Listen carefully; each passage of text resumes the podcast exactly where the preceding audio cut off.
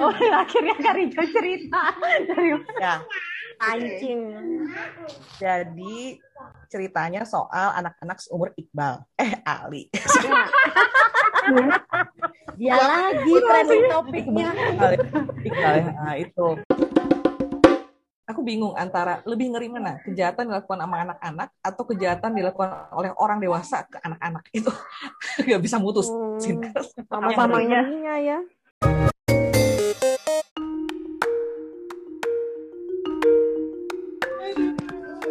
Aku cerita.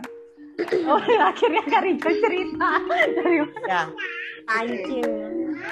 jadi ceritanya soal anak-anak seumur Iqbal. Eh, Ali. Dia lagi trending topiknya. Iqbal, Iqbal ya. Nah, itu. Jadi aku tuh baca buku dari namanya Karen M. McManus. Uh, judul bukunya yang pertama One of Us is Lying. Terus ada buku keduanya di mana tokohnya ada yang sebagian uh, berlanjut gitu. Jadi kayak biologi dan berpusat di satu keluarga dua kakak adik perempuan. Dan buku ketiganya judulnya uh, It Takes Two to Keep a Secret. Uh, dia tuh genrenya yang adult kan dan aku tuh bukan alergi sih tapi nggak gitu suka aja gitu cerita-cerita yang adult karena ya soal pencarian jati diri segala macam tuh udah lewat lah masanya buat aku dan nggak ngerasa perlu untuk kembali ke situ gitu kan. Cuman karena si One of Us is Lying ini ada pembunuhan oke lah lanjut kita. Itu udah pasti turn onnya di situ. Ceritanya ada empat orang masuk ke kelas detensi karena mereka bawa HP ke kelas. Terus waktu di kelas detensi itu tiba-tiba ada suara kecelakaan mobil di luar. Kan otomatis kita pengen tahu kan melongok ke jendela. Nah pas melongok ke jendela itu salah satu dari yang di detensi ini namanya Simon uh, jatuh pingsan dan, dan dia ternyata minum air yang ada campuran uh, kacang. Jadi banyak orang Eropa kan uh, alergi banget sama kacang ya, bisa sesak nafas segala macem. Nah, tapi uh, semua teman yang di situ bersaksi kalau dia minum dari air keran, di mana di kacangnya itu. Terus cerita bergulir menemukan siapa sebenarnya di antara mereka berempat yang setting up sampai mereka berlima ada di ruangan itu untuk detensi. Karena semua dari mereka dihukum ke ruang detensi. Jadi hukuman setelah pulang sekolah gitu ya karena kesalahan waktu jam pelajaran. Uh, mereka merasa mereka nggak punya HP yang dituduhkan oleh guru mereka. Jadi gurunya menyita HP tapi mereka bilang itu bukan HP saya tapi saya menemukannya di tas kamu. Ya udah kamu detensi aja kurang lebih gitu nah terus dari situ ter ter apa ya ter tersibaklah kenyataan kalau si Simon itu running uh, website di sekolah yang mengungkapkan gosip-gosip terkini. Tapi gosip-gosip itu biasanya kebenaran ya. Gosip itu kan katanya kebenaran yang tertunda kan. Misalnya si ini pacaran sama ini, si ini uh, curang waktu ujian ini gitu-gitu. Dan empat orang di situ mereka semua punya dosa masa lalu yang mereka sembunyikan karena yang satu cheerleader sempurna, yang satu juara satu sekolah nilai apa IP-nya paling gede. Terus yang ketiga itu keluarganya pecandu narkoba, tapi dia sembunyikan dan pernah dia di penjara juga. Yang terakhir ternyata ini uh, laki gedut botak apa LGBT gitu ya sejenis gitulah. Jadi uh, sebenarnya yang bikin aku tertarik baca itu ya karena uh, barengan waktunya dengan waktu anakku masuk ke sekolah yang baru di SMP ini SMP-nya itu semua anak di encourage untuk punya HP dan punya WA. Semua informasi akan lewat WA gitu ya. Jadi baru hari kedua orientasi, aku sama suami langsung minta meeting sama kepala sekolahnya. Karena semua tugas orientasi itu disuruh diupload di TikTok atau di Reels. Kita langsung wow. no, no, no, no. Jadi kita kami langsung minta ketemu sama uh, kepala sekolahnya. Kata kepala sekolahnya, enggak kok arahannya itu uh, gimana anak mengumpulkan tugas terus uh, cuman kan antara kebijakan yang di atas sama yang guru di bawah kan kadang nggak sama ya bahasanya. Jadi yang di di atas bilang enggak uh, yang penting ngumpulin tugas. Yang di bawah bilang ayo kita seru-seruan kita pakai medsos upload tag gurumu bla bla bla uh, terus oh ya pak banyak banyak like pak banyak banyak komen gitu gitulah sedangkan menurut kami ya kalau penilaian berdasarkan uh, like sama komen gitu atau view itu nggak pernah tepat karena kita kasih kendali untuk menilai sama orang yang kompeten. Pernah lihat kan misalnya ada uh, apa yang bilang, "Eh dong like biar anakku dapat nilai bagus." Ya itu nggak tepat karena yang punya otoritas dan punya kompetensi untuk menilai itu gurunya. Kalau yang ramai itu kadang nggak enak sama mamanya lah, nggak atau nggak enak sama anaknya gitu loh, kurang lebih. Nah jadi karena dari situ ya si kepala sekolahnya uh, bilang apa gurunya bilang apa. Terus ditanya ibu bapak kenapa keberatan sekali? Karena begini anak-anak itu belum punya remaja ya terutama 12 tahunan ini belum punya kebijakan untuk menggunakan waktu dengan baik. Sedangkan kita sendiri orang dewasa ngerasa gitu. Kadang kita tersedot baca WA 200 300 ngomongin Ali doang. Tapi berapa orang yang mantengin? Berapa orang yang setia ngikutin flow pembicaraan terus nyela di tengah-tengah gitu kan kita bisa kita punya kontrol diri untuk bilang enggak stop ini waktunya saya masak gitu. Tapi anak-anak tuh nggak bisa belum bisa. Untuk meluskan itu ke mereka tuh kita menjadi orang tua yang nggak bertanggung jawab gitu kan. Terlalu ada fear of missing out FOMO. FOMO itu terlalu kuat gitu buat mereka. Lama-lama lihat layar saat apa lagi ya? Emoticon apa lagi dibalesnya gitu gitu loh. Termasuk waktu pakai medsos mereka tuh akan berkompetisi. Achievement itu dirasa dengan banyaknya follower banyaknya like gitu-gitu. Itu nggak sehat. Oke jadi akhirnya anak kami doang yang ngumpulin tugasnya pakai uh, Google Drive.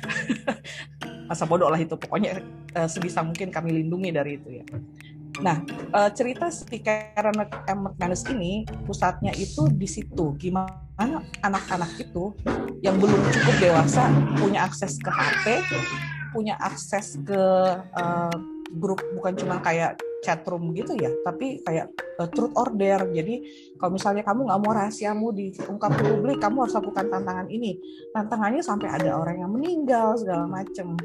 Terus itu uh, bikin khawatir karena terlalu too close to reality gitu buat sekarang. Kalau misalnya kita nggak nggak pegang kendali itu kayak kita kita ini macam kusir yang megang kendali buat kuda ya, itu bisa lost ke mana-mana ya gitu. Dan ini kan settingnya adalah remaja di Amerika akhir-akhir ini. Itu ceritanya tahun 2019-an. Nah di tahun 2020-an cerita keduanya One of Us Is Next itu ceritanya pembalasan dendam dari si tokoh yang mati di pertama si tokoh utamanya cewek namanya Mai bilang gini sebenarnya cara kita melepaskan diri adalah dengan mengabaikan bener loh diabaikan tuh berhenti semuanya.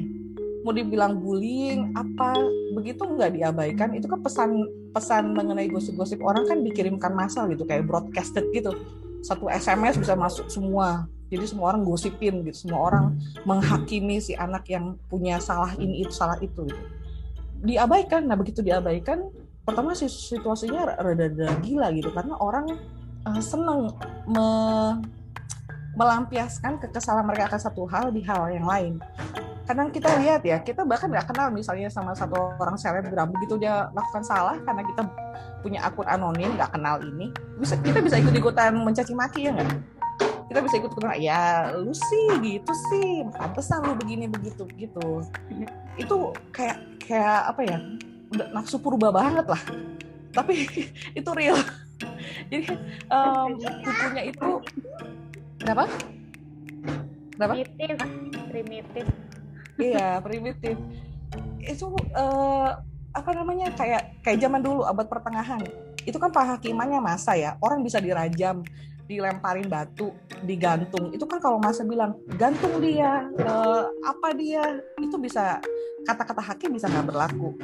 Dan itu ber, apa sejarah berulang ada lagi di zaman sekarang. Kita dengan HP kita, kita dengan kemampuan kita untuk punya akun anonim bukan diri kita sebenarnya untuk berkomentar dan mengatakan sesuatu yang mungkin tidak pada konteksnya karena kita nggak tahu sebenarnya keadaan sebenarnya. Karena kan yang namanya kebenaran itu relatif yang ada itu persepsi. Saya punya persepsi juga berdasarkan background saya gitu kan. Orang lain juga punya persepsi berdasarkan background orang lain si Karen M. McManus ini uh, lulusan bahasa Inggris kerjaannya dulu random banget sampai dia memutuskan untuk menjadi penulis Nah, penulisnya dia berfokus di itu, um, gimana menemukan jati diri tapi tidak terseret arus gitu ya. Dan dia pakai banyak banget uh, tren hari ini gimana ya orang-orang sering berkerumun di website yang apa ya memaki-maki orang kayak kasus gitu lah kasus gitu nyampah di situ semua emosional baggage semua di situ nyampah urutukin orang. Terus gimana orang tuh sangat peduli sama apa kata temennya. Kalau temennya ngelakuin tantangan ini kok saya enggak? Saya kuat nggak tetap jalan ke sekolah tetap belajar dan tidak tidak dikucilkan. Itu itu ini sih um, dia menggambarkannya dengan sangat tepat dan tokoh-tokohnya itu punya keberanian sendiri-sendiri. Ada yang sudah mengalami abuse dulu sama pacarnya misalnya karena pacarnya juga yang cheerleader itu pacarnya ketua eh kapten tim football. Sempurna lah cowok sempurna cakep rambut pirang bla bla bla. Tapi eh, sekalinya dia merangkul itu keras banget sampai lebam-lebam badan ceweknya badan si Eddie namanya.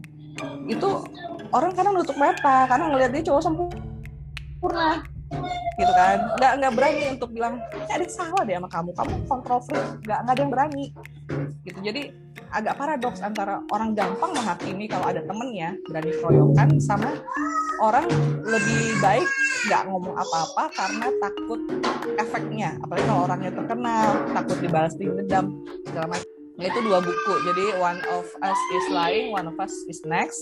Terus yang ketiga, uh, To Can Keep a Secret itu tentang saudara kembar yang mengungkapkan pembunuhan dari uh, dari saudara kembar ibunya. Jadi mereka kembar dari ibu yang punya kembaran juga dan hilang suatu saat. Nah, mereka kembali ke kota, eh, ke kampung halaman mereka karena ibu mereka masuk ke panti rehabilitasi Terus uh, sebenarnya sih nggak begitu baru sih temanya. Itu udah ada di ceritanya Agatha Christie yang judulnya Orient Express.